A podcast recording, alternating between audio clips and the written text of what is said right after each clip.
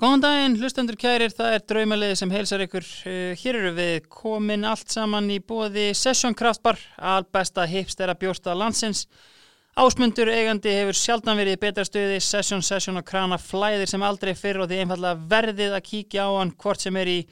Mikkel er bjórhlaupahópin hans eða bjórskólan hans eða bara einfallega í eitt kaldan og spjall eða bara ekki spjall, þið ráðið því alveg. Nú við höfum einni bætt við okkur nýjum vinum. Það eru meistararnir á lengjunni, þeir eru mætti með okkur í seríuna. Lengjan er eini staðurinn fyrir landsmenn með fasta búsett á Íslandi til þess að breyta einni krónu í tvær án þess að ríkið hyrði eina einustu prósentu að því. Skatt frjálsir vinningar, eini staðin svo fær það, það er á lengjunni. Getrunardeldi knastmyndulegana blómstra sem aldrei fyrir og ég bara einfallega mæli með því að þið heyrið í knastmyndudeldinum hjá ykkar félögum og, og tróðið ykkur inn í hennan geggja félagskap, tipp, kaffi hjá val alla lögadaga. Nú og síðan eru það auðvitað kongatinn á grandanum, sút upp í jakkafutunum og bíkóma skrúurnar.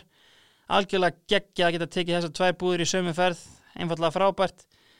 En talandum að skrúan í vingilinn, þá skulum við vinda okkur að viðmælandi þáttarins. Viðmælandi þáttarins er öllum landsmönnum góð kunnur. Áður en hann var talsmaður hollenska skólans í knattbyrn á Íslandi spilaði hann sem atvinnumaður í Hollandi, Þískalandi, Fraklandi, Englandi og Skotlandi ásamt því að vera einn albesti leikmaður sem sést hefur í efstu deild á Íslandi.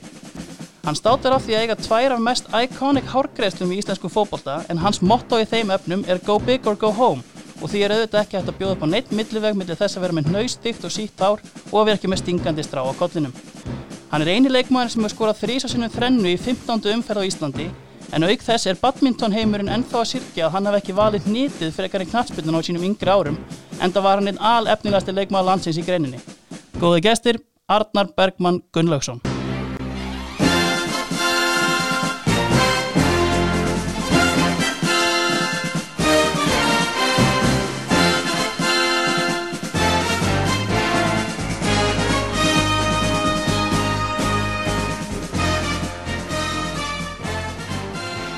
Blessaður Arnar. Já, blessaður. Ánægð með þetta. Þetta var rosa, rosa kynning. Hvernig var hérna ég er þetta ekki rétt hjá mér, þið voruð bræðurnir mjög góðir badminton leikmenn, Jú, við vorum hann um,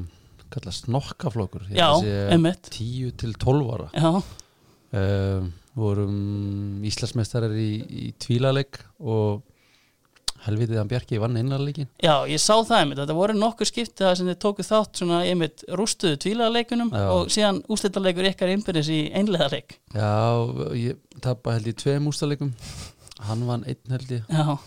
Svo voru tíu bjargauðrannir helvitið öflugir. já Sko. Að Þetta var hrikalega skemmtileg sport og er ennþá. spilar þetta ennþá í dag? eða? Nei, ég- því miður þá er mjög öðmenn á mér í, í, í steik. Já, Þannig að eh, ég læt mér næja að vera bara hérna, á hjólavélinni eins og fallaða maður í, í, í tíminu. já, En einmitt ég saknaði þess mjög, þetta er, þetta er greiðlega skemmtileg íþróttagrein og, hérna, og mjög öflu fyrir einmitt fótboltamenn sem svona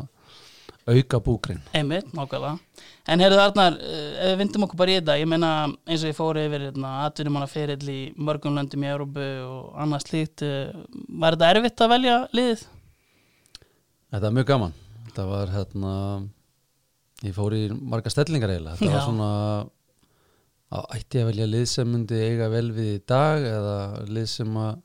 að því fótboltanum breyst svo mikið, hann Einmitt. Mhm. hefur breyst alveg útrúlega mikið og hérna, bara markmenn, bakverðir, hvernig leikir átt að spila. Ég, þetta var rosalega gaman að að velja þetta lið og ég- maður fór í góða minningar Já, og þarna, en á endanum valdi ég lið sem að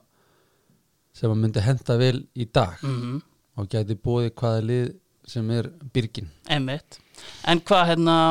hvað leikkerfi stiltum við upp í? Ég stilt upp í kerfi sem að hérna, ég notaði í undanástaleiknum á móti breyðabliki fyrra og í ústaleiknum Mm. og hefur verið svolítið að vara detta úr tísku en, en hérna, Pochettino hjá, hjá Tottina kom með þetta svona aftur inn í tískubransan Mm uh, fyrir svona einu, tveim ára síðan mhm, Mm. spilaði þetta mjög aggressíf og núna sé ég að, að fleiri liður er fann að spila þetta mjög vel ég menna Salzburg spilaði þetta mjög vel á móti Liverpool í, í báðum Európa-leikjunum Mm, Mhm. sérstaklega frá og með setna hálfleik í, á Anfield og svo allan fyrir leik, uh, en alla leikin í Salzburg mhm, Gladbach hefur spilað þetta mjög vel mhm, og Juventus líka og þetta kerfi heitir 4-4-2 með demantamiði mhm. Þetta er einmitt svona hérna, án þess að ég þekki knattbindusöguna alveg lengst aftur, þá er demanturinn eitthvað sem að sko maður heyrir fyrst um sko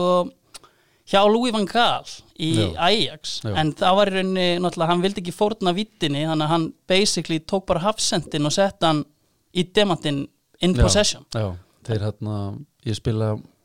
var þeir í gæfi aðnjóðund að spila frekar ofta móta Ajax þegar Mhm. þeir voru upp á sitt besta Já. þeir mitt er að fann Kalbund stjórna Ajax mm,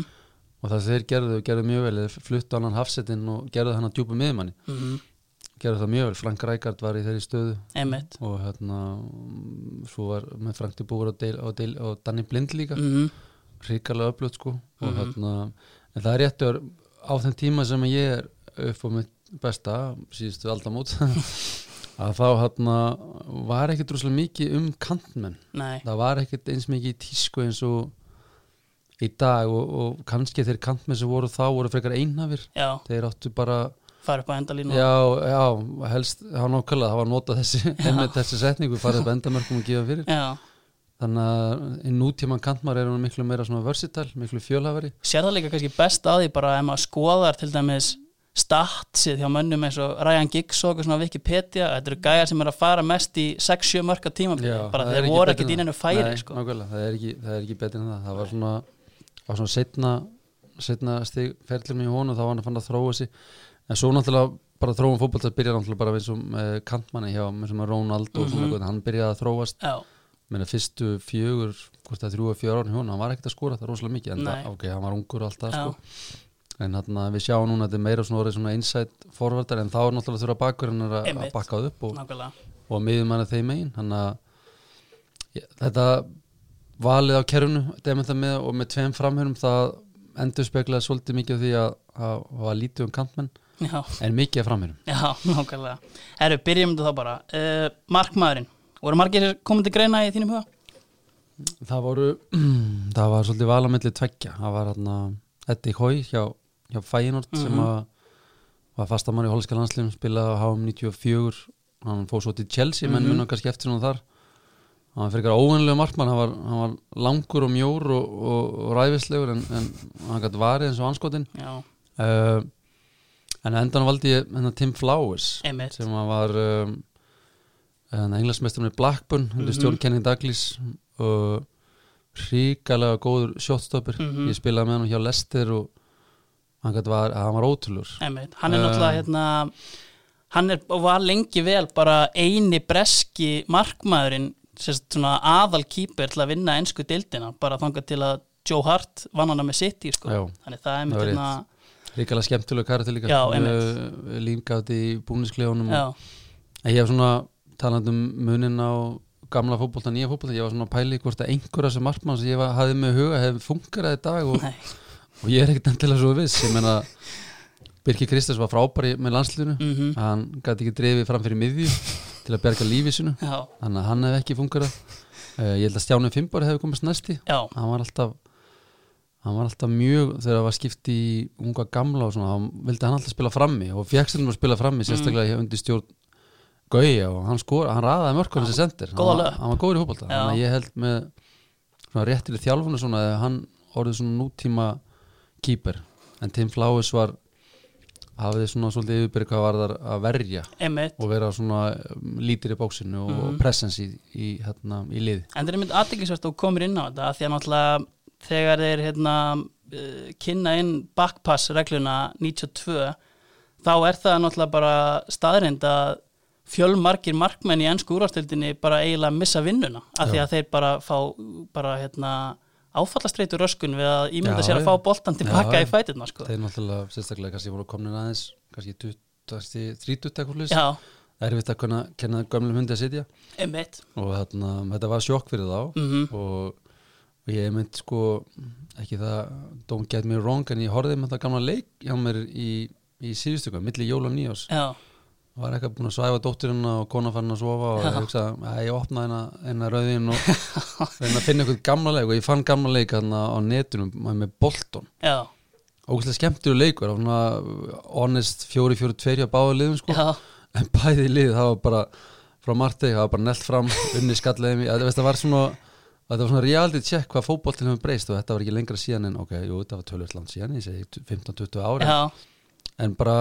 breytingin á, á leiknum bara við þessa litlu einföldu breytingu Emmett, nákvæmlega En ég meina svona, ef við ræðum aðeins bara hérna, svona lauslega tíma inn í lester svona, hérna, þetta er náttúrulega hópur leikmanna, ég meina þið eru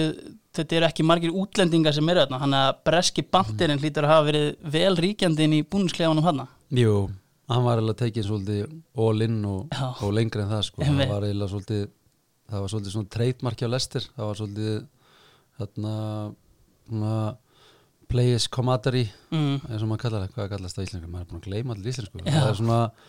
það er bara ákveðin hefð hjá eins og Martin Vil, hvernig hann byggði upp sitt lið Mhm. hann, hann, hann keipti mjög skynsalega, Mm. keipti mig og hérna, en hann var búin að kaupa hann var búin að búa til lið sem var fullt af karakterum Já, og eins skringil það hljóma, ég er nú búin að segja röglega mjög ofta, hann var ekkert bestið þjálfari í heimi nei en hann var mjög góður í að setja saman lið hann var mjög góður fyrir leiki, hann var mjög góður í, í hálfleik mm en æfingarna voru oftar en ekki bara disaster um, og ég man bara æfingarferðna, það var meira drukki heldur en, Já, heldur en æft En Við einmitt vorum á að fara þeim- til spánar og svona og, og nokkur leikmenn voru líka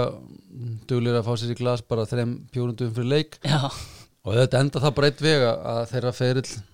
ég er með einn, einn af þeim nendar í mínu liði núna eða einn eða tvo, já að þeirra ferill var bara stittir fyrir vikið Einmitt. En ég meina, þú veist, eh, ef kemur inn á það, ég meina, við erum alltaf hérna eins og ég kom inn á hann í bóði Session Craft Bar.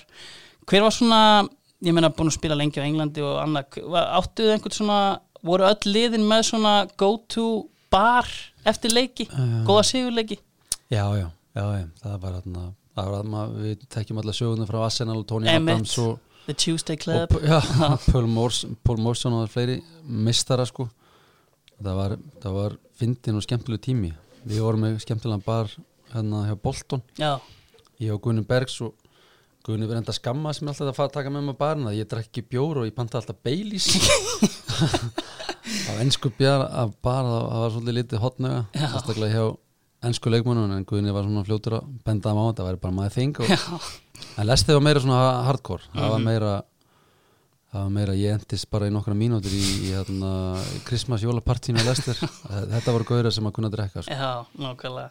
Herru, Tim Flowers í markinu, uh, förum þá bara í hægri bakurinn, talandum drikkjulæti og, og veislu. já það var mikill líróttum að Frank Sinclair ef að ég hefði drukkið jafn mikið hann það þurfti að hætta tvítur en hann var bara svo, hann var svo natural fit Já, hann var uh, hann var góður í fótbolta, ekkert endilega besti í fótbolta maður, hann var svona hvað, ég er að reyna að finna svona samlingingu fyrir yngri hlustendur þáttarins hann var svona Kyle Walker típa ok. svona fljótur, bara góður í fótbolta en ekkert endilega svo besti Mhm. Nei. Mhm. og hann myndi henda ríkalega vel í nútíðan fótbolta hann var í með góðan leikskilning og, og kraftmikill og, og það er eftir að vinna vel með hann hvað- upp á hvað það varðar Þú setur hann í hægri bakurinn uh, ég man náttúrulega ekki mikið eftir honum en var hann ekki meira í hafsendinum? He- hann lesti spila allir þryggja hafstakeri Já, þannig að ok það er rétt hjá, þér. hann já, var um hægri hafsend og mm Já, Chelsea var hann hæri bakurur já, en það er rétt, já, það, það er kannski ástæðan fyrir að hún maður kannski frekar hann til haf- sem hafsend já, já, já. en þryggja hafsta kerfið þá, jú, það er þetta að argjóða það út svona, svona Hæg, Bakvörður hálf- já, já, slash. nákvæmlega hafsend en, en hann, hann fekk starfi í hæri bakurur hjá mér Já, einmitt, og ég meina skrautlegu karakter, er það En ekki? mjög svo, Já, já, mjög svo ég Og- veit ekki er þess að þáttur nokkuð broadcaster í Englandi nei, hann er það alls ekki hann var góður í drikkjónum og, og í hérna sterkara kynnu hann var- hann var öflugur þar en hann það er sann merkjöld með allas að gaura sem að sem að kannski talar um sem að hefðu kannski aftur hana lengra og allt Mhm. þess aftar þeir eru allir ríkalega þeir hefðu bara eitthvað takka í sig leið að æfingi byrja á leikur og þá voru virkilega fókusarðir og, og sigurvilin skein í gegn og einbyttingin og en svo voru veist, ég held að svona málsáttinu work hard, play hard er það oft vel við hjá, hjá leikmannlestir Þetta er einmitt bara mikið bara svona, og þú veist, virðist vera bara svona svo innilega rútinera í bara breska menningu, bara fótbolti og drikja, það er Já. bara einhvern veginn, þú veist, það var það sérstaklega, nú er þetta náttúrulega allt breytt algjörlega, en svona á þessum tíma en einhvern veginn, þú veist, það er sama kannski hvað þú drakst mikið kvöldin áður, þú veist, þú ferði í einhvern fæfasett bolta daginn eftir og Já. gjörsanlega sprengir þig, sko, og nærði einhvern veginn alltaf Hárið. en það er einmitt hérna við náttúrulega eins og ég kom inn á hann líka í bóði Bíkó og já ég meina Frank Sinclair var maður sem mætti alltaf í vinnuna og skilaði sínu fóð sér hann rakleiðis á barinn og elskaði síðan auðvitað að taka alla greiðslur svart og sigurlöst eins og kom fram í stóra miðamálinu en hann er að sjálfsögðu yðna maður liðsins og Arnari Gunnlausinni í, í bóði Bíkó Herðu uh, Vinstri bakur Vinstri bakur, það var það var erfitt maður ég var sko ég var að tímapunkti að nálætti að velja Rúna Kristins Já, sko á þeim tí- það eru tveir þjálfarar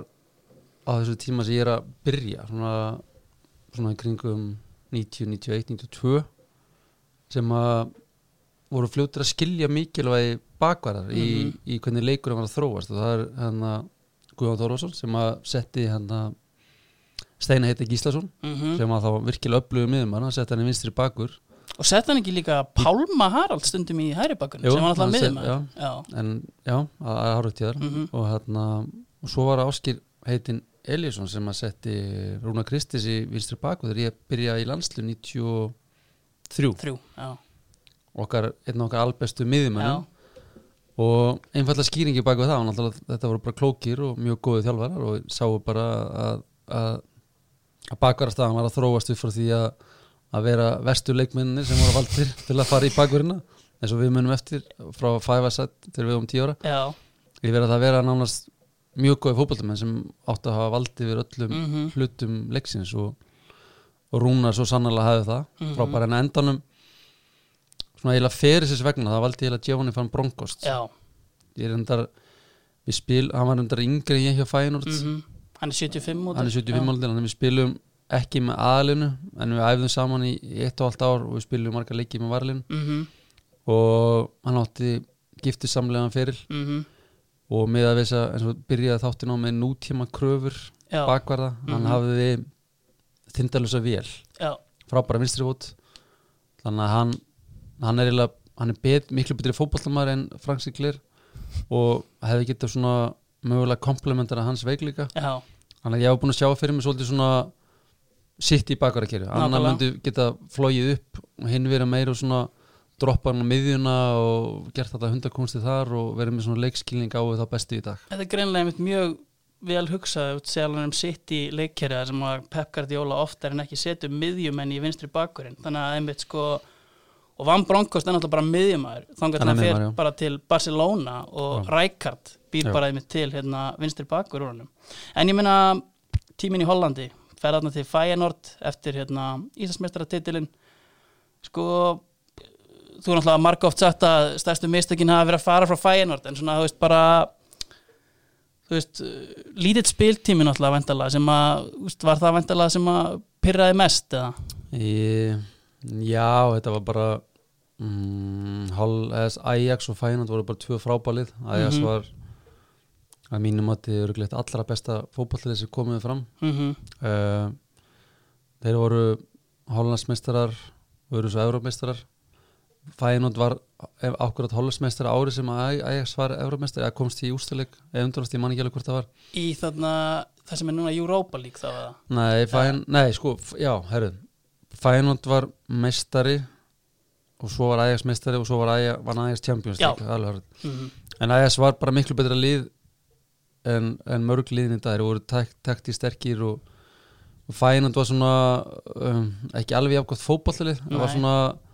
svona ódýra útgáfan af, af Ajax Mm -hmm. og að vinna, okkur tókst að vinna titil þannig að ég spilaði alveg fyrsta ári eftir ég kom frá skáinu minn ég held ég spili 5 eða 6 leiki sem Mhm. bara mjög gott já, og Ég ári meina, eftir í er kannski liði eitthvað sem verður svipað Hollandsmeistari en nákvæmlega þannig að ég held bara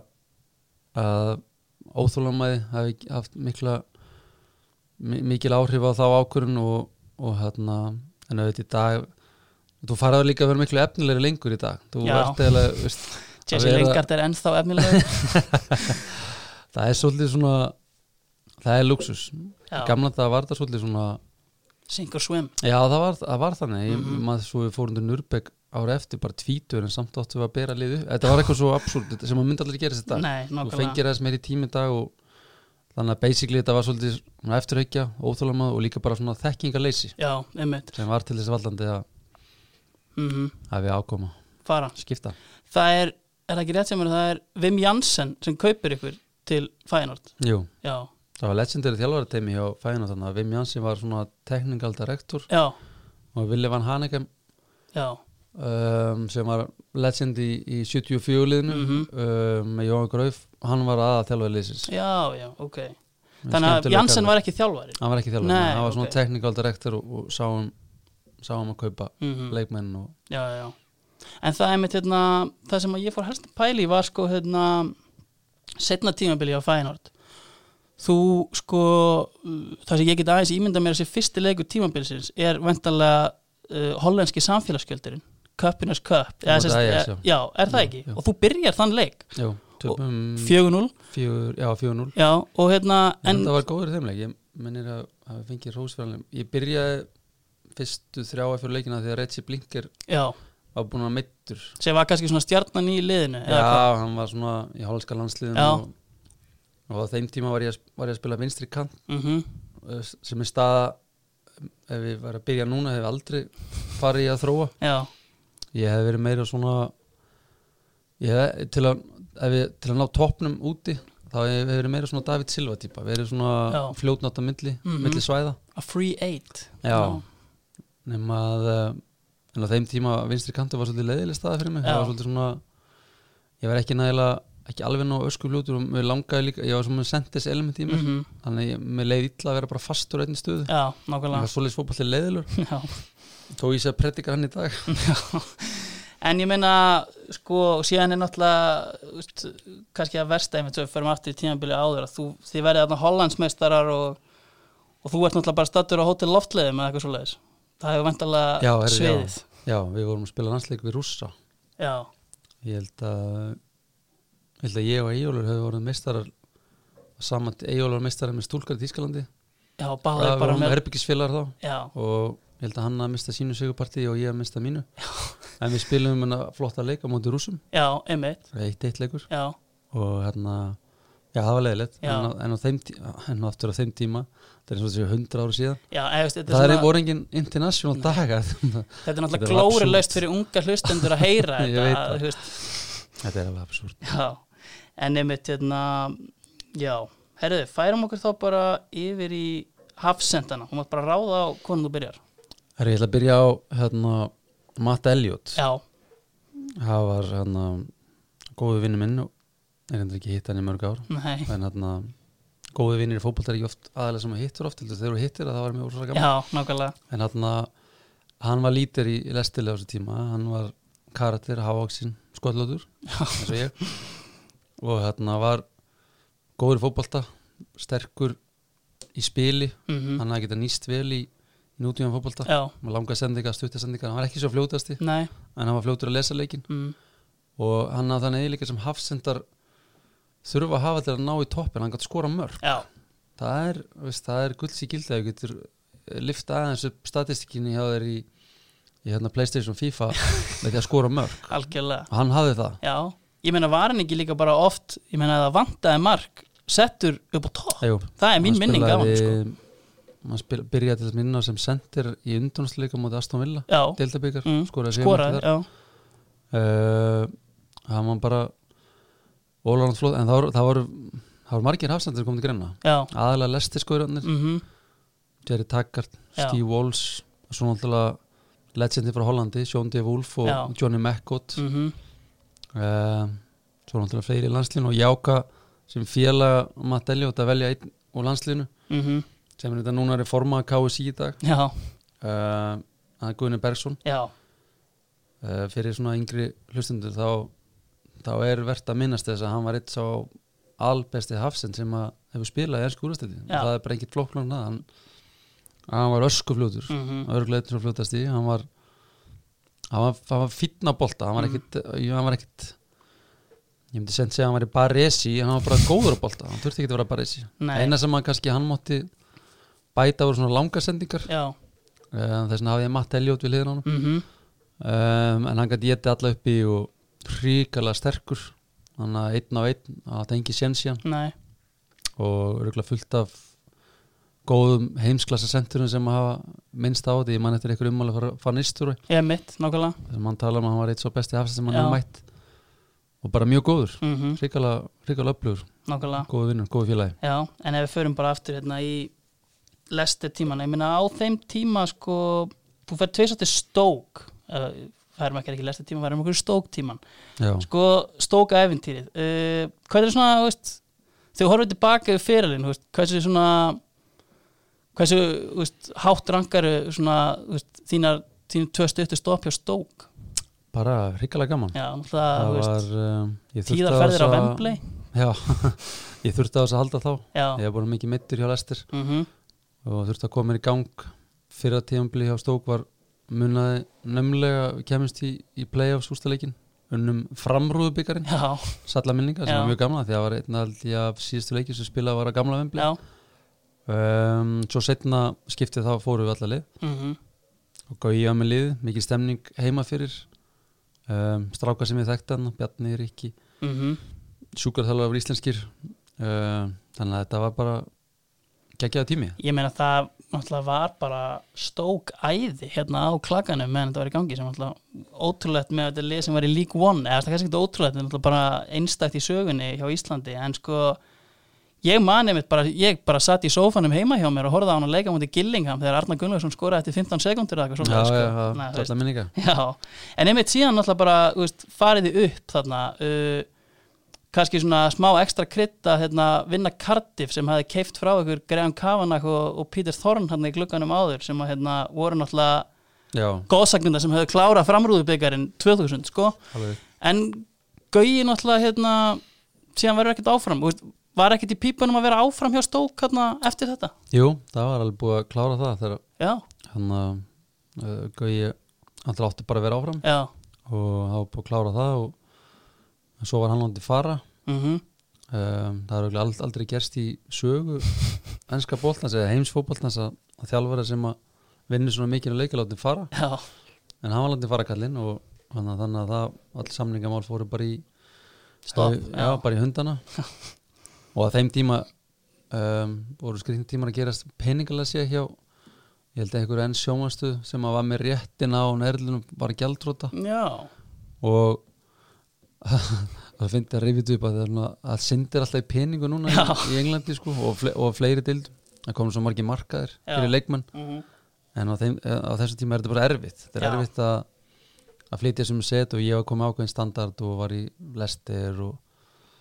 og var eitthvað svo sjálfsagt að, að fara eitthvað annað stóku að komin í championship sem Já. var bara, er bara mjög skemmtileg uh, deild sem ég þekkti vel Mhm. frá tímum munum með Bolton Já, þannig að uh, mér minnir að byðin hafi verið svolítið óþægilega löng og ég endaði bara í- dúkkað upp í Skotlandi driving reynsuna á St. Andrews og dömdi United einmitt, meirum það síðar Herðu um, Herðu uh, du, du, du, du, Ég meina og ef við förum okkur kannski aftur í Bolton ég meina ég meina setna tímabil hjá Bolton þegar þú ferð síðan til lestir hérna, um veturinn ég meina, er þetta ekki þinn besti fótbolti á ferlinum? Jú, jú, ég, jú, ég held að það var uh, Varstu Þegar meiðsl komin í, já, þrír, ég var- var varstu super komin í fit. strækirinn þarna? eða? Já sko, við- við byrjum tímabili á, á 3-5-2 já, og þá var ég vinstra megin á miðinni já, í hann að David Silvöldur já, og ég blómstraði þar, ég var mjög fitt gætt hlaupið fram og tilbaka, ég hafði mörg í mér ég Mhm. laði upp mörg mörg, ég held ég að lagt upp fullt af mörgu fyrir Nathan Blake já og hann skoraði nokkuð sjálfu líka mm en svo breyttu við í 4-4-2 Mhm. og þá var ég svona hangandi sendir já, já, já, fyrst með, með Blakey og svo Dean Holsworth uh, Bob Taylor svona legendir í legendir í Norðmjölandi Super Bobby Super Bobby og þarna, það var mjög skemmt, það var skemmtilegt lið líka Já. nokkri danir þarna og Einmitt. Guðni Eiður kom það var gott lið og var alltaf nálætt í að ég held ég, eftir að ég fór það voru tóku svona 1-2 tíma sem var nálætt í að komast upp og svo Einmitt. fóru upp og voru í premjör líka held ég Já, bara já. í 5-6 ári Einmitt, nákvæmlega mjög sorglega hvað hefur komið fyrir klubununa Algjörlega, hræðilegt Herðu, færum okkur þá upp á miðjuna uh, Þennan fræga demant Hver er á botninum á demantinum? Það er Neil Lennon, Já. núverandi frangotistjóri í Lester Nei, núverandi Celtic. frangotist Celtic, Já, já, einmitt. sem spilaði með hjá Lester Prík, hann er mjög öflur Mhm. hann er svona box to box clever, stuttasendingar, langasendingar lasleikin vel uh, fullkomin þá fullkomin í dag og verandi íri hann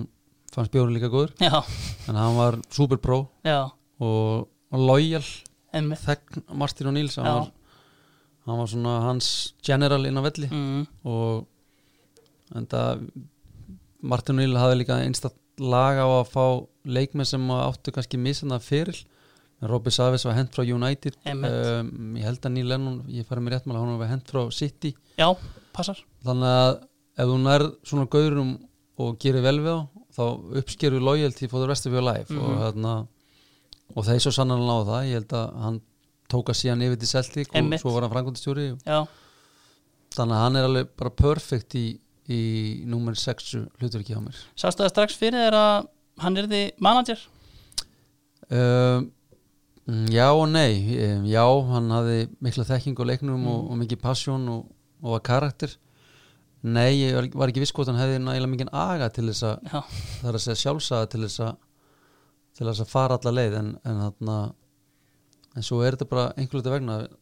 margir leikmið sem maður þekkir og hefur talað við kannski leist ekkert alltaf vel og þar, þar með talað ég sjálfur Mm. að gerast þjálfarar eða frangöndstjóra eftir að ferlinn líkur mm en svo bara fótballin þú getur ekkert flúið frá honum það er Nei. eitthvað svona bakterja sem að eða sjúkdóma sem að herjar á þig forever já, og þú losnar ekkert við hann nei, þannig að bara accept it nákvæmlega Herru uh, Sút upp Reykjavík Þeir eru konið með okkur í lið og eins og ég fór inn á áðan uh, Er einhver leikmaður sem þú manst eftir frá ferlinum sem að bara lappaði inn í klefan á æfingu Díla og Hálsvörð Jesus. bara í, hvað er hann, Vá. í hverju er hann Ég ætti að meina hvað var hann ljóti fötum með Já, Já, nei, Dín Hólsson var alltaf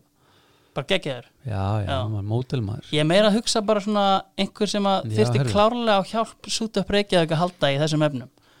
Náttúrulega spila þær í Fraklandi þar sem að hérna, Já, englendingarnir er, tala mikið alltaf um frönsku leikmennina að kunni ekki að klæða sig sko. já, er þetta rétt Þeir voru,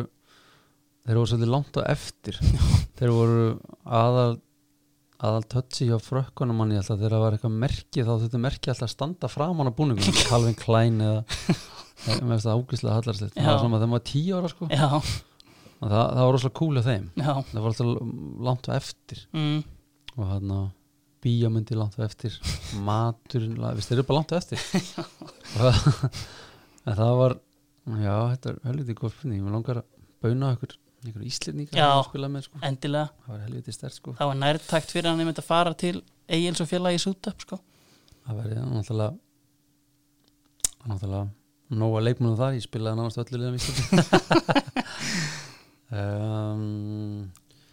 það er alveg að range eitthvað þennan, þetta er svolítið Já, maður vill ekki særa en samt það er smá stríðnisbúk í manni sko ég þarf að geima spurningu við meldum Ég þetta ætla- aðeins. ég er búin að Ekkert skrifa stress. henni hjá mér Já, ég kom, þegar komið fimm nöfn sko það er aðeins að kasta upp Já, herri, færum okkur þá bara aftur í alvörum að hættum þessu fýblaskap hérna, herri, uh, mið miðjan í demantinum mm, sko upp, upp á topp á Demant Já, um, það er hérna Ítali sem að ég var mjög heillar af þegar hann kom til lesti það var reynda var svolítið á lokin á sínum ferli en það sá strax að hann var með töfra í skónum og hafði átt mjög fyr, góðan feril Mhm. og, og fyrir hann þegar hann mætir í ítölsku skýrtunum sinni með, með peysuna yfir hálsinni svo Ítali gætna að gera já, að koma til lestir á þessum tíma það var svona kultúr sjokk og ég man eftir fyrsta æfinguna þá buðu honum velkominn og fórum með hann á the local Chinese restaurant og hérna það var borið fram einhverjir hundar og, og hænur og, og svipurinn á görnu var ekki alveg eins og hafa hann kannski vannur frá gourmet sessjónu í Róm og, já, og Ítalju og hérna Sampdoria og, og kannski svo glöggir hlustur að kannski tekið eftir þá heitir aðlinn Roberta Mancini einmitt sko, algjörð legend, Já, og hann er bara algjört, herramaður algjört legend líka í Lester þó hann hafi bara verið þarna í mánuð og það er bara Já, svona hann var algjörlega sem hann var alveg hann var mikið töffari Mhm. án þess þó að án þess þó að þurfa að láta alla heimi við það Já, um, rosalega professional mm og besta ró sem ég fengi bara á ævinni um, það er að segja fótbollega sér já, það var eiginlega frá Peter Taylor frangotastjóra, hann, hann tók mann sín á þessum tíma inn í liðið og ég man ég kom inn á fyrir hann sem varamann okkur sinum sérstaklega eftirmilegt á, á, hann á Villa Park þegar ég gerir síðumarki móti Asta Villa Já. í FA Cup en svo þegar ég spurði Peter Taylor akkur ég og hann myndum aldrei geta að spila saman þá þá svaraði bara mjög skemmtilega þeir eru alltaf líki leikmið til að spila saman Já, ég var mjög fúll þá en núna já, það er gott Gott ráð að eiga þetta. eða sló vöppnum og höndum á mér En einmitt sko talar um gæðin sko, það var einhver bladagrein sem talaði um hérna eftir sigurleik Lester á móti Arsenal að það var eins og Roberto Mancini var að spila fótbolta í annari vitt heldur en aðri leikmenn Lester sko, en Já. sko það var með svona, svona sendingar hæfileika og finna svæði réttu svæðin þess vegna var þessi staða fullkomin fyrir hann mm Mhm. -hmm. þannig að var hluta af ókveikjandi tvíegi hjá Samdóri á sín tíma, sendir með Viali mm í tveggja sendarakerfi já, og hann kom alveg vel til greina það og þegar við færum okkur aftar í þáttinu þá, þá gæti hann alveg mögulega skipt við eitt, jafnvel tvo um stöðu Já. að spila frammi einmitt en í þessar stöðu myndi hann njóta sér mjög vel Já. hann var líka super fit og veist, það var allir pakkin bara mm og ég meina svipa kannski svipa spurningum með Lennon, þú veist, ég meina hann hættir hérna hjá Lester til þess að taka við Fiorentina á Ítali, Já, var já. það þú veist, eitthvað sem þú sást bara strax að já, hann var hann var mikill spekulant og hann var svona hann hafði talað ekkert kannski allt okkur ennsku nei, ég ætla einmitt að spyrja því svona, þannig að hann var svolítið svona reserved feimin en hann var samt humor í honum já, og einmitt eh, fí- hans fíjónantína lið kom sumari eftir til að spila æfinguleik á Filbert Street mm, og hann fikk alveg hrikalega góða mótökur hjá bæði áhörnundum og líka sérstaklega leikmunum hann var komin í klefan, ég man alltaf eftir þess að hann var hann var mjög vinsall já, hjá leikmunum einmitt og ég held að örgulega margir í dag og ég gerði alltaf, ég, ég held alltaf með hann þegar Já. það var sitt í, mm, fyrst að United vanningi þá þá það var mjög gaman að sitt í skildafinni já og ég hef alltaf fylgst með hann síðan þá, hann er að gera mjög góð hluti Einmitt, algjörlega Herðu, inn á miðri, miðjunni í tíklinum Já, sikk- sikkur að með við sexuna og, Já. og toppin þar er ég með hérna, Mössi Isset Já, hérna, hann er þindalust jöfull og hann hefur það eiginleika sem að sem miðjumar, sem svona framlingið að miðjumar þarf að hafa, hann þarf að geta að skora mörg einmitt og Mössi var virkilega góður því hann var held ég mann eitt tíðanblöðna sem að sem að ég stóð með hvað bestan ég að lestir að þá var hann held ég eftir fyrir umfyrir með markastu manna í úrvasteldinni Já, það er ekki- örugglega ekki margir sem þekki eftir hann hann var svolítið meðsla gætn eftir að eftir að hann fór frá lestir já, já hann var seldur fyrir háu upp að til Birmingham, Birmingham þegar þeir voru úrvastildin þá en hann var svona bókstup á, hann var grannur og léttur en hann var sann sterkur, létt Já. finna fyrir sér og ríkalegt passjón fyrir leiknum hann var svona, svona alvöru alvöru miðumæður í, í, sem að hefði sóma sér vel í, í hvaða lið sem er í dag Þetta er einmitt líka sko, ég hugsaði þetta hérna ég hugsaði reyndar ekki ofta á sínum tíma en svona því ég hugsaði tilbaka þegar þú sagði mér að hann var í liðinu en mér var svona kannski leikmaður sem átti skilið breyk á kannski ekki kannski level, já. hæsta levelið en svona einu þrepi ofar, ég man Já. að Leeds þegar þeir voru að steipa sér í skuldafen Mhm. þá var hann mikið orðað við Leeds það hefði til dæmis verið, perfekt fyrir hann já, að, það er að horfa til hann, hann var svona hann var svolítið vannmetinn já það var kannski líka út af svolítið líkáspurun hann var svolítið svona eins og hann hefði ekki fengið að borða í Já. tvö ár sko, hann var mjög grannur já, Og- en hann samt lit alveg vel finna fyrir sér en það var aðalega hann svona myndi mig alltaf svolítið á svona, Paul Scholes og Lampard hvernig hann laumaði sér alltaf inn í, inn í boxi Einmitt. þetta er svona þetta er treyt sem að að rosalega erist að kenna þetta Já. er rosalega meðfættur fótbolta hæfileiki mhm og ég er mjög hrifin að slíku Já, algjörlega. En ég meina, sko, undir lokin hjá Lester, hjá Arnar í Gunnlaugsinni, ég meina, þú hefur sagt það einhvern tíma náður að svona, þú veist,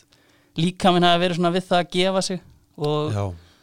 á þessum tíma var, voru íslenski fréttamjöla mikið að vitna í spjallsýður stuðningsmanna á Englandi þar sem að var kallað eftir því að he needs to switch from that unlucky number 13 jersey eftir fjórðu aðgerina hérna. já það var já, það var bara upp á talan hans pappa og ég er ennþá Mm, hún reyndist mér endur ekkert fóla vel en þarna já það er rétt, ég var, það var svolítið vombrið, ég kefti maður svolítið pening Einmitt. á þeim tíma, þetta Já, er já. bara smáir á því dag en þarna en það var samt okkur eftirmjöld moment Já. ég náði að setja einhver mörkana og, og blessunlega voru þau mörk á móti svona local rivals, Já, já. Darby, Aston Villa og svona eftirmjöldlega mörk mm en, hérna, nákvæmlega. þarna,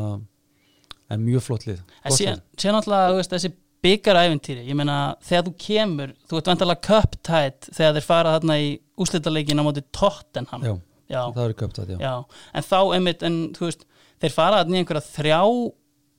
líka upp úrstættaleiki á fimm árum eitthvað svo leið, svona, Já. ég meina þú veist, einmitt svona breska stemmingin svona einmitt í útsláta keppninni sko. en síðan alltaf hérna, áttu náttúrulega að reysa þátt í því leiðinni í úrstættaleikin hann á móti Tranmer já, þegar þið vinnið titilin, en síðan ertu ekki í hópi í úrstættaleiknum, var það Nei, meðsli eða? ég hef búin að meittu mjög lengi Já, fram að því mm og alltaf þetta ekki verið árið sem ég endaði með að fara til lán til stók já, já fyrr, fyrr, fyrr Já, já, árið já, og þarna þannig að ég held að það jú ég segi bara það að vera ástæðan en einmitt líka sko Martin og Níl talandum að leikmenn sér lojal hann var líka mjög lojal við leikmenn Já, ef að leikmenn voru búin að gera góða hluti fyrir hann þá ég held hann að meira sem nota sama hópin og varum á Aston Villa í undanáslinum mm, en svona leiðin að, að vinna byggar ekki bara ústa leikurinn nei, þannig að ég sagði mínu leikmennu það já, þannig að við erum okkar byggar í sumar þannig að- einmitt þannig að ég tók það til nokkru vítakennum hann að leiðinni Já, og- hvernig ekki, þrjár vítakeppnir og skorir þeim öllum Jú, eða? það var Leeds, Arsenal, Fulham Já, Ég held að Leeds og, Leeds og Fulham hafi verið í deltabyggundum og Arsenal í FA Cup já, já, já, þannig að einmitt það voru örkuleikir Já. Leeds leikurinn fóru í framlengingu og Já, móti mjög góli einmitt, nákvæmlega Herðu, hver loka miðinni? Það er controversial maður Núna fara allir hlustinu maður, jésús En sko, ég ætla að reyna að reyna svona að réttlæta mitt val gagvað þeim sem kannski þekkja hann ekki nægilega vel Nei, hann er mjög myndalegur hann er þarna, þetta er Bjarki Gullöksson já Bjarki Berma Gullöksson mm og uh, ég held að margir muni ekkert eftir hversu góður hann var í fótballa eða hann var svona, menn sá kannski lokin á hans ferli, 39 ára líkilmaður í, í mjög sterkulegu FH mhm, sem djúpur á miðinni Já, en á yngri ára var hann bara virkilega öflur Já. svona til að gefa fólki bara dæmum svona, svona þannig að fólki átti sig á hversu góður hann var að, að 92 að þá er þá er Sig, Sigur Jónsson sem er, sem er okkar albesti einn af okkar albesti miðmannum í, í liði skamanna og ég hafði hann meðal varamanna mhm, hann var mjög nálægt í að komast í lið já, og hann,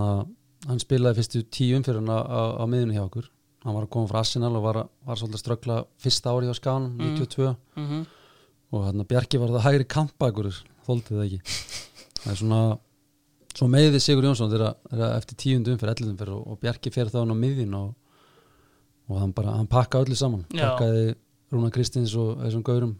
sem voru eldri og,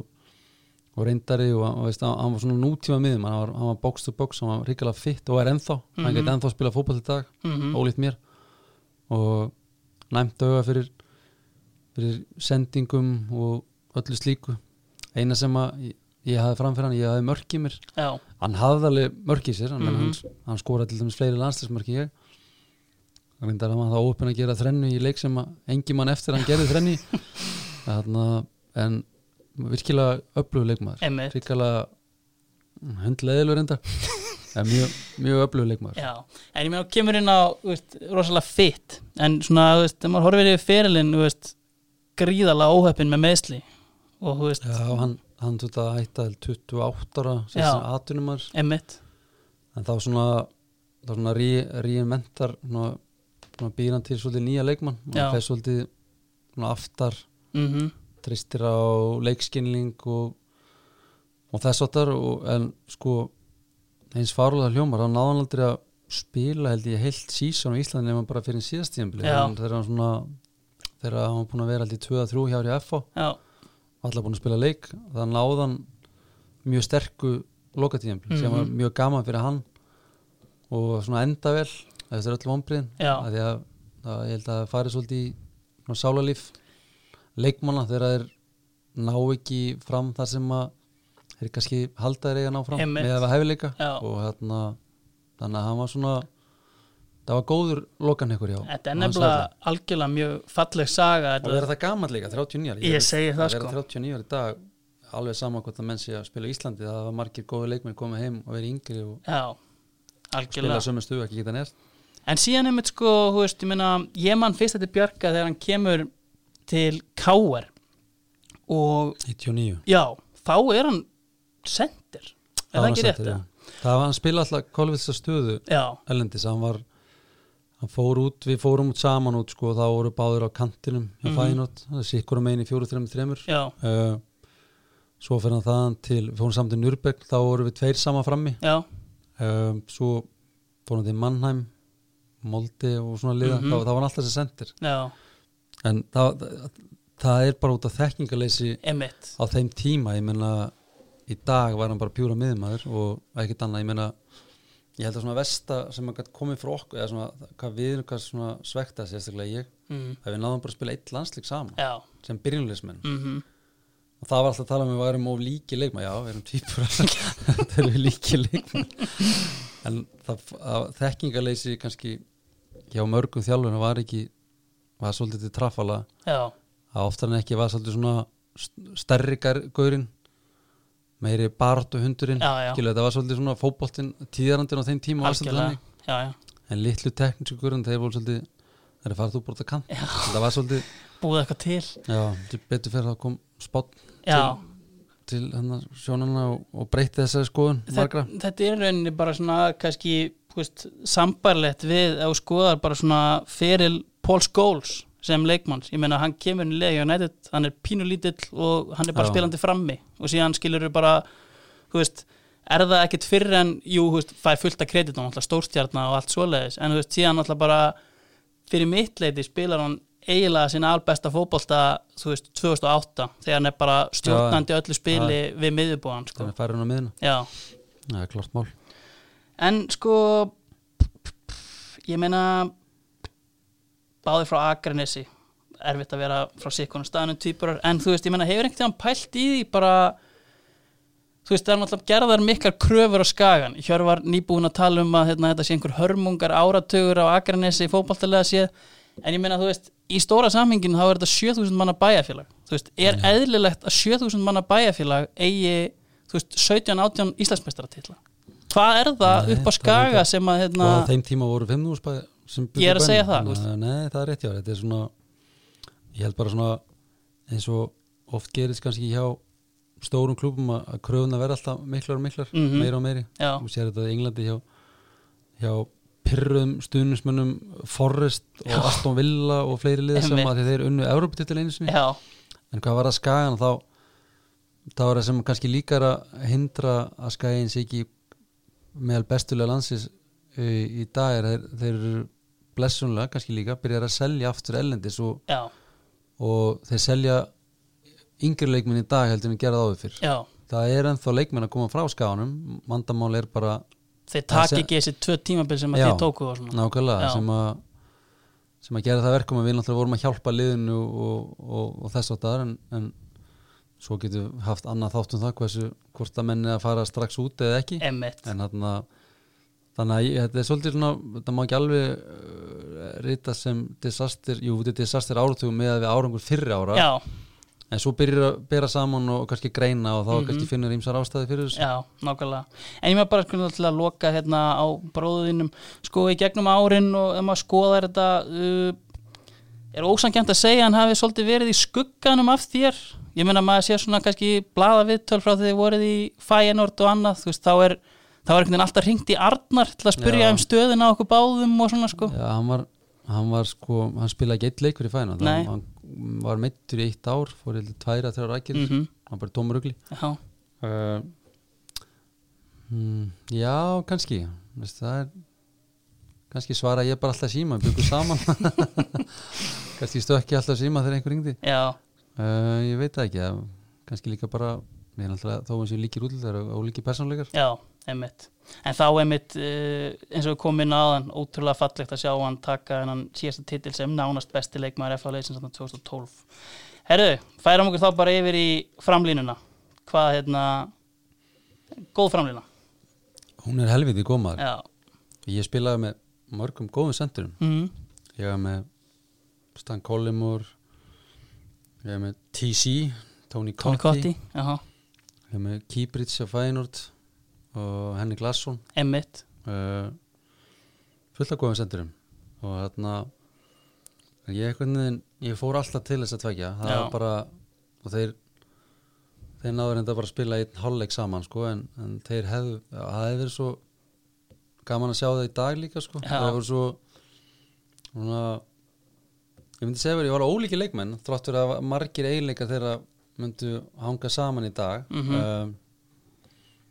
þeir voru svolítið svona báði mjög teknískir leikskilningur bara á heimsmáli hverða já, uh, annar er það, eldri var enn og aftur, menn kannski muningi alveg eftir en hann var í dag, ef hann myndi spila í dag þá var hann, þá var hann inside left forward hann var svona mani típa já, hann var svona góður skallamaður, hægri vinstri kraftmikil fljótur, hann var fljótarinn en sá yngri já, og ég er náttúrulega að tala um The, the Good Johnsons já, Eismar og, og, og hérna Arnur já, og Arnur var alltaf svolítið legend í okkur, hann áskir á þeim tíma náttúrulega Einmitt. Hann- og, og, og það var frábært að koma inn í landslið 93 Þrjú. þegar hann var þá 32-30 ára já, Veist, auðvitað var hann aðeins komin á síðasta snúning en, en samt hrikalega góður, hann var bestur í landslinu þá, hann Mm. gerði, gerði eitt markana móti ungurum manni eftir Mhm. 93 já, og sem dæmum hvað þessi góður hann var að veist, ákvað bara að fæst í Svíþjóð svona í fríin og vera besta leikmann þar langbestur, 34 eða 5 ára mhm hann að mikil mestari En Og- einmitt Arnór, uh, sko þegar þú ert að koma inn í landslið þetta 93, ég meina þá er þetta Áskir Eliasson er það ekki að þjálfa Jú, hann er þjálfur. og hv- þetta er bara 4-3-3, er það ekki? hann breytti miklu, hann breytti 4-3 Já, vorum með stertliði, fórum mjög hátt á heimslistanum mhm um, hvort það verður 40 að eitthvað seti hann er svona kannski þú veist svona Já. kannski þegar ég hugsa tilbaka eða svona fyrir mitt leiti bara svona, svona þú veist, sóknarsinnaður Já. íslenskur þjálfari Pioneer, já, hann var alveg talandum á hann, setti Rúna Kristi sem vinstri Einmitt. bakur og það. hann var með hann var með Kitta Jóns sem var svona spilandi hafsind, Guðurna uh, miðjan var alltaf veist, Siggi, Þorvaldur, Óli þetta var já, svona, var svona no-nonsense miðja sko. já, og hérna, svo var Jolli på topp já þú, og Jólli ég- og já, Arnór já, einmitt, og svona auðvitað er náttúrulega það hefði verið gaman að sjá bjarkaðin á miðinni frekar. í dag hefði hann verið hann á miðinni já, en ég þóri ekki alveg að segja hver, hvern, fyrir hvern en hann að málið er að hann var rosalega hann var, hann var klókur í að ég myndi að finna það sem að bestu þjálfurinn í dag leitast mikið eftir að leita í svæði og svona það er Mhm. svona koncept sem að margir þjálfar skilja bara ekki í dag, það er ótrúlegt Já. Það er með allt sem er í bóði mhm og hérna bara fatti ekki alveg í hvað svæðið á að vinna best í og, og hafa mjög obsessed að þessu talandi um að nota Rúna mjög vel sem vinstri bakur vildi hafa mann sem gæti haldið bolta mhm það var svona, hann- liðið hans var mjög vel balanserar, já, það er eiginlega best orðið sem að til lýsa liðanum hans áskis já, en ég minna Arnór uh, ég minna hann eins og þú segir hann er hann langbestur í landsliðinu 93 þegar þú kemur inn var hann sterkur karakter eða þú veist, var hann bara svona var fámátt mjög- já, hann, var- hann, hann er það svipaðir feðgarnir? nei, hann, uh, hann er Arnór kannski virkar, jú, hann myndur ekki að lýsa sjálfum sem kannski feimur og svona, hann er mjög mikill humoristi Já, það var mjög gaman að- að vera með honum og hérna það var bara svona respekt það var svona, tók maður nokkra æfingar að átta saman og var að sama ellu og Guð Jónsson sko. og hérna en hann tók vel á mót okkur og, og hérna var bara var alltaf til í að leipina og, mhm og hann var svolítið svona hann var svolítið svona ég sá samt, að- að samt komur ekkit vol á, að það er samt sorgleit, að komur samt ekki á óvart að hann skildi ekki að vera þjálfur, hann var svolítið svona eigingett sinn leikmar á jákvæðan hátt hann var rosalega mikið að pæli sjálfum sér sem Mhm. bara flott, ég var líka þannig Já, hann var ekkit, hann var ekkit allt og mikið svona að velta um, að, að það var svona mín upplifun, að velta kannski öðru leikmanni fyrir sig mhm, svona, hann bara obsessed á sjálfum sér og það, það er líka sem þú þarft að gera þetta náðin mjög langt og hann náði náttúrulega ríkala langt hann Já. náttúrulega á þeim tíma var andilegt eitt af bestu liðum í Evrópu einmitt Kom, komist held í einni að tvo ústalegi og, Móti Tottenham í UFA Cup já, þar og, sem hann reyndar því miður klúraði úslita vítinu já, og var, svona, og var held ég markast í, í, í belgjustildinni sem Mhm. þá hvort það var hægri kantmaður mhm, kom oft inn í boksi, skallaði mhm, hann var mikið betur skallamaður annað tvent fram fyrir eðismára allana sem að klöggir tók eftir, hann var mikið betur skallamaður þó Mhm. mm hefði bara séð þokkalið skallamaður Mhm. og hann var fljótari, Já. hann var svakalega springrátturinn hann var Mhm. eitt svo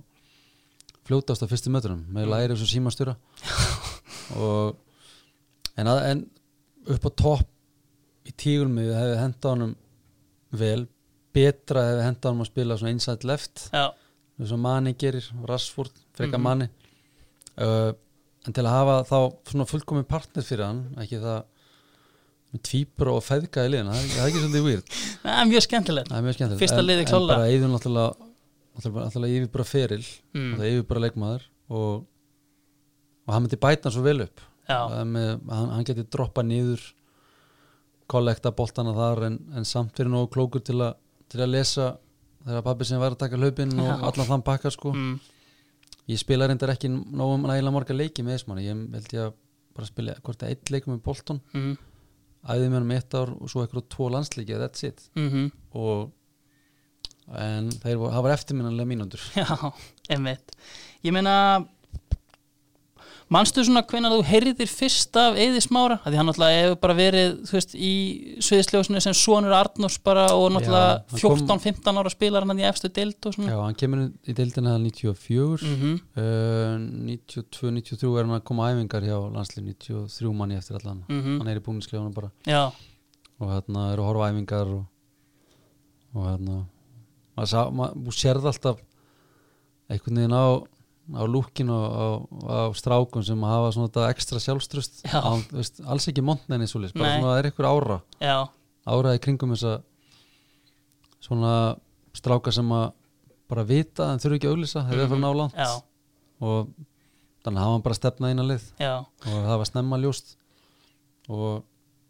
hann náttúrulega lendi í alveg meðslum hann uh, sem er vel dokumentarað Já, já, en ég mann satt eftir einu áhugverði sem hann sagði með einu góðum punkti hann sagði kannski að mögulega hefði það gert gott, gott fyrir fyrirlin frekar en vonda því að, að því að á þeim tíma sem að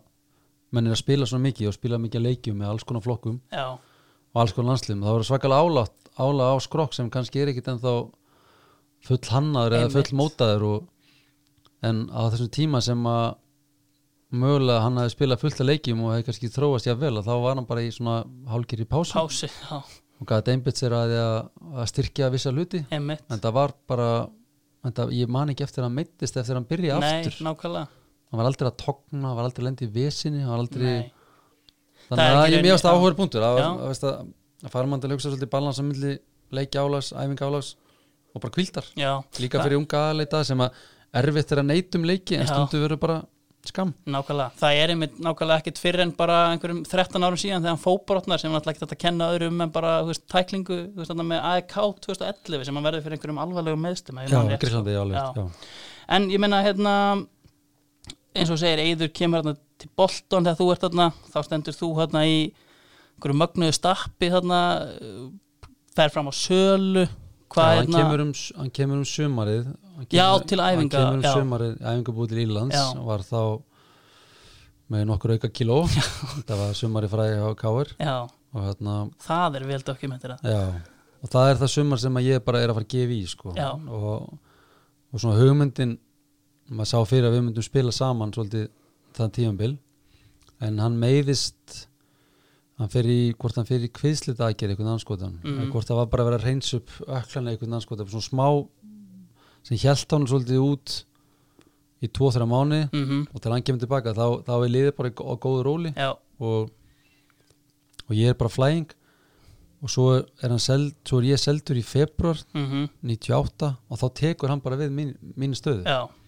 og verður bara svona Bolton legend já, nákvæmlega og hann spilaði þá eitt og halvt ár hjá Bolton og var seldur Chelsea -hmm. Þú veist, ég meina þannig að þetta er eiginlega mér að þakka en sko, ég meina viðskilnaðarinn með Bolton, þú veist myndur þú segja að hann hafi verið ljótur eða leiðilegur? já, hann var svona, mér að stíð vera stilt upp við vegg Já. það var svolítið svona smá pólitík, það var svolítið leiðandi Mhm. það var svolítið svona að því að, að maður vissi alltaf hvað hva samninga var að, þegar þeir eru bóðin lélum samningur með það sem átti skilið hvað sem, það er náttúrulega bara hypothetical hvað átti skilið já, já, en þú veist hvað hinn er að þjána hvað, hvað þeir eru búin liðið samlingu þá er verið að segja ákveðin það er svona að vera að þrönga þér- að vera að þrönga mig í þá stöðu að, að leggja fram transfer mm og lestur á þeim tíma var bara mjög flott úrstilið já, já, þannig að ég, þetta var bæði skiptum vinnu og, og fá betri laun æfum betri leikmunum mm en að samanskipa hefði þetta verið að þetta díla við þetta öðruvísi já það var svolítið, það var allt mér að kenna það Já. var allt bara og náttúrulega búar í mikið leikjum já. og sem var mjög og mikið reki í fjölmiðlum náttúrulega í gegnum Já. Andi Tótt þjálfara þarna og, já, hann var svolítið gasparðan já, Colin Dodd frangotistjóri Hann var já, svolítið- sorry, Colin Todd já. Andi Totti Andi sonur Todd hans. er sonur hans, já hann var svolítið gasparandi í fjölmjölum sko, Já. en það var, maður skildi svo sem mjög vel það, hann var, að- veist, ég var mjög vinstall leikmaður hann mm, og hann var svona Bolta mátti ekki við að selja sína bestu leikmenn já, já, þá var þetta svona lítið út eins og ég var vondingalli já, sko. einmitt en ég meina, þú veist, aðrir framherra þegar maður hugsa um þessa í rauninni tíuna, Íðsmára og, og Arnur uh, þegar þú kemur til Bolton uh, þá er fyrir í þinni stöðu Pítur nokkur Byrdsli já, hvernig, hérna, hvernig var Mhm. þín upplifun á honum þarna á vel á sínum efri árum hann var hann, að- hann var mjög góður í fótball hann var, hann var svolítið svona mann sín í típa hann var ekki eins myndalegur og ekki eins fatt, heru, hann er komin að lista minni yfir ljótustu ljótustu fötin en hann var, hann var góður í fótball hann, hann var samt ekki hann var, ég veit ekki hvort það að verandi englendingur versus Ítali en hann var ekki búin að jú, hann hugsa alveg vel um sig en hann var ekki, svona, hann var ekki nægilega fitt mm til að geta að spila ennsku úrastöðin ólíkt kannski mann síni nei, og hann var að ströggla hjá boltan já, ef þetta hefði kannski verið talandi um að velja aðferði fyrir þetta lið sko, ef þetta hefði verið veist, einhverja ferðlum sem spilaði með sem á einhverjum tímpundi hefði verið rosalega góð sko, Já. þá hefði hann potið komist til liða Já. þegar hann alltaf alveg legend í Englandi Einmitt, hann alltaf nákvæmlega. spilaði með Liverpool og ennska landsliðinu já en bara mín upplifun, hann var svolítið way past his best mm og það hefði bara ákvörun eða svolítið áhrif á mína ákvörun sko. já, en algjörlega hann var hann var svolítið svona hann var svolítið fyndið típa já, Hann var, og ég, ég átti mjög gott samb sambandi við hann, hann var, maður svona eftir hann hætti heyrt alls konar sögur já, já, og hann var svolítið svona af eldri leikmanni var hann svolítið kvíslandi í búnisklefunum maður tala oft þegar að, um, þegar út með eldri leikmenn að, að,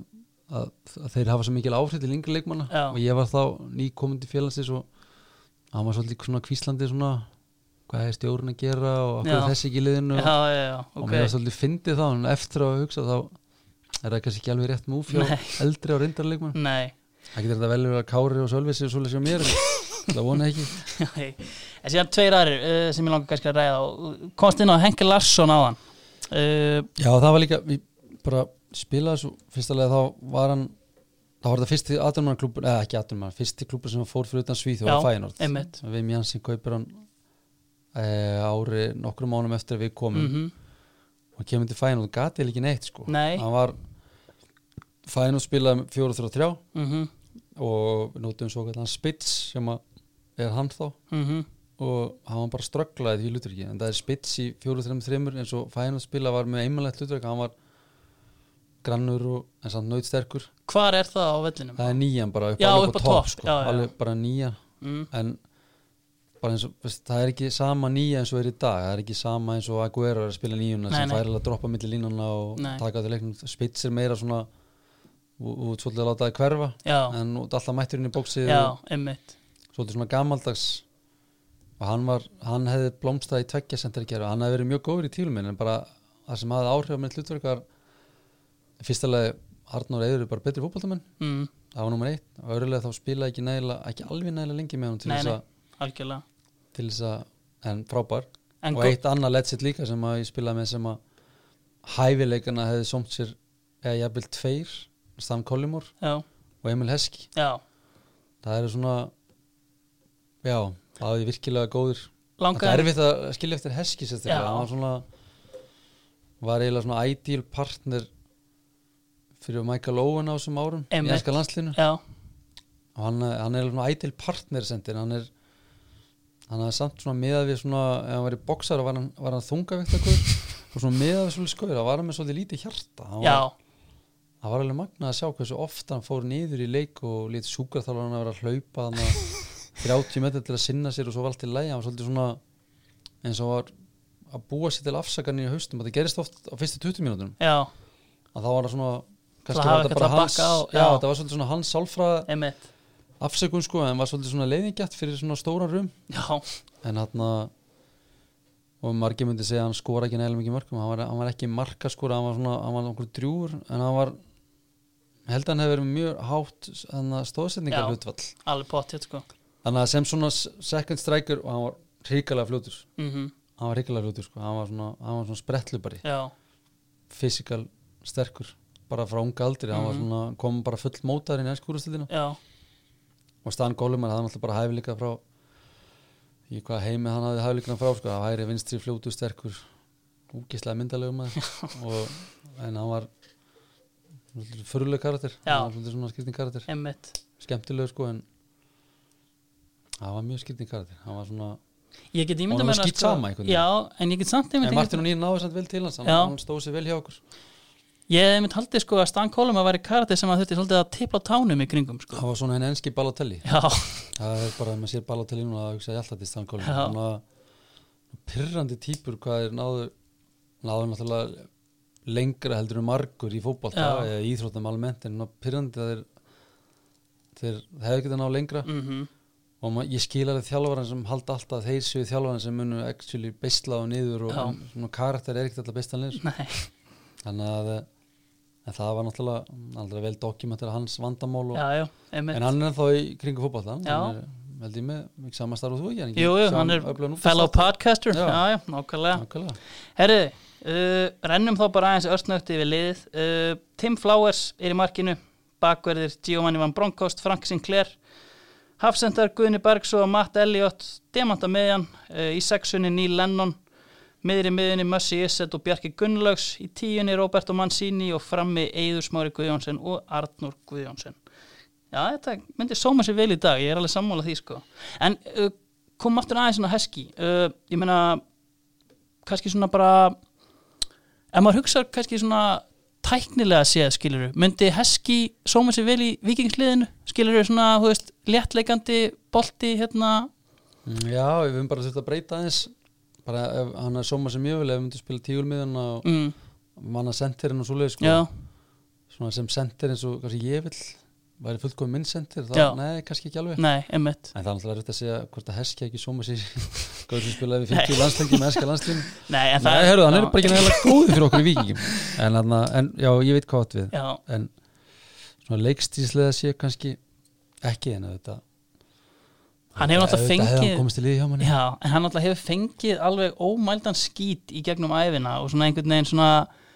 að kannski þú veist, ósangjöfnu leiti, menn þetta er sko hann er á topp 10 yfir leikjæðastu leikmenn premjörlík Mm. Já. frá upphafi og yfir 100 mörg og ég meina Ég held að með talandum ef við erum að finna stöðu fyrir svona gauðra í dag hvað, ef við myndum taka við 15 ára gömnum Heski í dag Mm. og móldan eftir þínu höfði, þá væri hann þá er það svona eins og manni típa Já. svona vinstra minn, veist Já, og passa Og svona- aðeins upp á vittina Já, hann var líka bara veist, hann hafði ekki alveg mörk í sig þannig séð, en hann gat, hann gat skora Mhm. hann, gat, hann gat öskufljótur og og hann, gat, hann, gat, hann hafði getað nýst svo vel sem svona inside left forward í, í dag frekar en svona spits, frekar en Já. eitthvað topp Emmitt, en svo nákvæmlega náttúrulega við lýsið spila tveggja sentri kæri sem náttúrulega bara líku ekki mörglíkir í dag Nei, það er nákvæmlega náttúrulega engin spurning en, en svona bara svo gaman að pæla svona í hvað hvaða stöðu þú hefur sett leikmann í í dag sem Já. er bara greinlega alla sem feril að spila okkur Alg- koma vælu sko. Herri, hver, hver myndi þjálfa þetta lið? ég myndi þjálfa það. Já, það er vá já sko það er sem þjálfari sem að sko ég hef alltaf taugar til Guðja maður já ég held að hann er í, hann er í flottu fyrir þetta lið Sko, Gauji náttúrulega hann var fólk kannski man ekkert eftir hún þannig sé hvað hann var hann var hrikalega góður taktísku þjálfari Já. á þeim tíma og, og svona margir held að hann hafi bara ekki gert þetta annað en að öskra sko hann, er svona, hann er svona getur verið ókveikandi karakter Já, í búnsklunum, hann var alls ekki þannig hann var, hann var frekar svona fadurfigjur mm, við, í klefan, hann var mhm, vald allt eftir mómenti, ég lærið það mikið sem þjálfari þú, ég lærið maður lærið eftir mómentin, annars virkar þetta ekkert nei hvernig að það steit upp nefa og, og látið þér heyra sko, en hann var hann var bara góður þjálfari Emmitt Og hann náttúrulega, var, hann veist ég, ég svona, kíkti hann okkur leiki hjá hann í í, í hérna, vetur í Færeyjum, færispilin í já. sumar mm, og bara þetta sjá hvað kallið var að gera og hann var greinlega búin að nýta fríið sitt vel hann Já. var að spila 4-3 með eitt djúpan og Já. var að pressa og með læti og bara mjög gaman sko. já, já, nothing has changed in football Það er nú Nei. bara eins og niður þannig En sko, ég meina, það var hérna Það var saga sem að flög af Gauja þegar hann var í stók að hérna sko hann var kannski ekkit alltaf með ennskun upp á tíu og það var talað um að hann hefði mikið verið að vinna með frasa eins og take them to the bakery og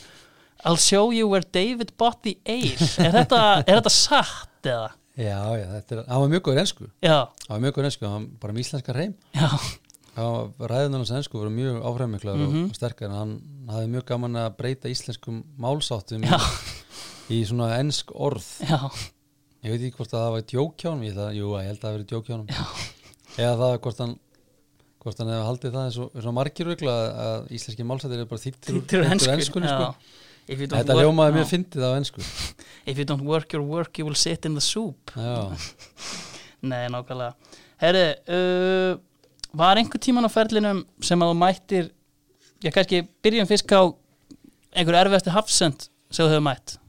Tony Adams Tony Adams já, vá, Já, það er engin spurning Mhm. og Guðun á æfingum, já, hann var byrjandi hann var svo sterkum maður já, uh, Sjóndi Wolf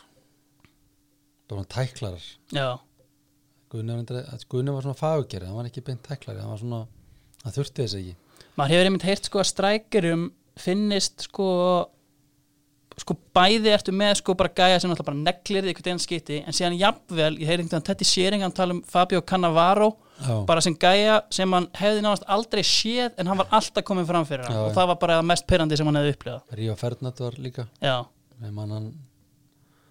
hann náði mér einu sem tvisa boltanum í ykkur leik og ég var bara svona, hvernig anskotunum fórst að þessu sko, það var með, bara með því að lesa Já. og hann var hann spilaði alltaf í kvítum stupusum hjá Vestam og hjá United það var aldrei aldrei skítur sko. skýtur já, held að það var sömu stupus held ég. það var aldrei skítur Nei, en síðan kannski bara, þú veist einhver leikmaður sem þú mættir kannski bara, þú veist, sóknamaður eða áleika sem þú bara horfðir á og bara, já, hérna hér já, ég, það var uh, brasilísku Ronaldo brasilísku Romario Já, Stoichkov en ég held samt svona bestaðum öllum hafi verið Látrúb já, hann var, hann Var var hann- Látrup og, og, og Bergkamp mm, voru svona bestu leikmenn ég spila, ég spila á móti Hanri í öllu þessu gaurum sko, mm Mhm. -hmm. er að veist, þú, þú maður tala um bara besta fótballaleikmenn eða, veist, maður hugsa alltaf sko ef maður myndi senda viðkomandi ef maður bera saman einhver tvo leikmenn mm bara bera saman Messi og Ronaldo, það er mjög vinsalt sko mhm, og þá spyrir alltaf hver- hvor er betri fótballtahæfleika og ég sé alltaf besta leiðin til að finna þú er að myndi senda þau burt í tíu ára eigið þar sem myndi, aldrei, myndi ekki sparka bolta í tíu ár já, svo myndi þau koma tilbaka og verið fótbolta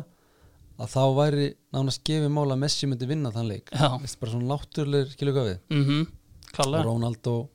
það er yfirbæra fysík og írótahæf og náttúrulega frábær eða skeðu ykkur í fótbolta já, já og ég hafði alltaf saman tilfengu með Henry og svona ef hún myndi taka alltaf ósangjætt, hún myndi taka burti hraðan skilur Já. þá væri hann alltaf ekki eins góður í fótboll og, og fleiri sem maður kannski hugsa kannski meira með eða, eða spila kannski meira með hausnum algjörlega, ég reyna að koma að því að svona að bestur í hvað fó, það var þar sérstaklega að því út inn á sama velli Mhm. þá svona vöktu þeir mikla aðtekli, en ungur Joe Cole já vakti mi- mjög mikla aðtekli, ég var, mhm, var svona var búin að horfa á hann í sjónvöppinu og ja, við varum fít sko, en svo ertu inn á sama velli þá eiginlega ferðarlega inn á nýtt level sko, Já. hvað er, er þessi gaurur ekki góður hópulta það er einn af þessi gaurur kannski sem situr í sófa núna ég hafði ekki að geta betur algjörlega þrátt fyrir að hafa kannski verið Ísla- englandsmeistarinn til Já, já. stjórnum rinni og átt bara fína feril skilur. Já, en þetta er einmitt, þá er náttúrulega bara talað um Joe Cole bara eins og var talað um Messi sko, þarna, Já. í Englandi, sko, þetta átti bara hann átti að bjarga öllu, en Já, svona hann var geðveikur, sko. það, Gerði. hann var líka hann var líka ofta líða fyrir mm, en að kannski enn og aftur þekkingleis á þeim tíma lítill nettur, hefur Mhm. setjum út að kant Já, um, í dag var hann alltaf bara sikkur að meðin við djúpa meðmanni sko, í fjóru, þremmu, þremmu, þá Mhm. var hann bara svona hann væri sitt í player í dag sko, já, nákvæmlega klárlega Herri, uh, og kannski svona í lokin ég meina, við erum búin að tala um Arnór, Eðismára, Guðna einhver svona annar leikmaður, kannski svona þú veist, út fyrir boxi sem er dettur í hug sem svona besti landslismaður sem þú spilaði með um, með Siggi og Jolli Já, uh, mm, Siggi var náttúrulega náttúrulega a- a- afburða fótboltamar hann Mhm. var afburða eh, leikmaður, hann var eitt sá efnilegast í Evrópu á sín tíma mhm, bara ríkalega óöppin já, Nei, meðsli kall, mm Mhm. -hmm. kall greiði sko en, en bara svo hann, hann kemur til Íslands ég er að þegar við tökum tvista til 92 þá er hann, þá er hann kom frá Arsenal Mm. sem að á þeim tíma voru jú, við voru englansmestara tveim árum áður mm -hmm. mhm, og hann er þá bara held í 26 eða 7 ára já, sko. einmitt það er ekki meiri en það Nei, það er náttúrulega bara sad já, þannig algjörlega séð sko þannig Já. já. bara, já, ég mann til fullt af landslíkin sem hann var bara svona svo yfirbrammaður og hann er einmitt spilandi landsleiki bara sko í kringum aldamótin meiri segja Já. sko, þú veist, þegar skrokkurinn er nánast alveg farin þar sem hann er jafnvel í bara svíbernum bara Já. að leika sér eitthvað annað sko ef Siggi hefði fengið topp þjálfun að þessum tíma svona guardiola þjálfun mm, hann, væri, hann væri í sexunni já, í, í sitt og væri með svona væri með svona á þeim tíma var svona hlutverk miðjumann svolítið að verja sitt svæði og vera með mikið af hliðasendingum já, einmitt og mér stundu fannst mér svolítið pyrrandi að spila með Sigga því hann, ég var sendir já, og hann leitaði ekkit oft fram á við Nei. það er svona, skilur hvað veist, Já. auðvitað leitaði hann fram á við Já. hann var nægilega góð fótbolta þess en, Bara svona en, á, þolinmóður. en á þeim tíma var, var kannski fyrsta hugsunum miðjumann var að opna líkamann og senda hann á kanti eða til Já. bakvarða mhm en núna er leikurinn fann að þróast þannig og fyrsta hugsun miðjumann er að senda milli línana já, einmitt sexan hjá City, það er, það er hans hlutverk að finna þetta í brúni og, og Silva í Mhm. Einmitt. staðan fyrir Kyle Walker sko. það er bara svona, það er option Ö, já, en áður en að það kemur það eru margunir option þannig að þjálfinn í dag, hann var hann, ég held að hann, ég sett hann á varamannbekki á mig núna mhm, en hann að í sexun í dag, hann verið hann, wow, það er bara að slefa bara, hann algjörlega var fallegustu læri líka sem ég hef spilað, hann var, hann var mjög öflugur í ólíunum, gamlu, gamlu dagann það var sett ólí á lærin sko já, hann lit lærin glansa já, já, heilsást hann og já, algjörlega hann geggjaður. líka, hann líka setti svona hann íttist upp og svona aðeins lengra upp það er að segja ekki upp á mitti hann, hann íttist hans hliðar Hlið- já, já, já, svona, já. að menn Þessu sagði aðeins í, Sanchez kannski í vöð, já, nákvæmlega, eins og Já, sanns já, já. nákvæmlega, það er rétt, það er árið svona, eins- sagðist aðeins meir í vöðuna mhm þetta er ekki ekki Já, herði, ég ætla að sleppa þér út Arnar, ég vil bara þakka þér kærlega fyrir komuna, já, takk fyrir það, þetta er mjög gaman takk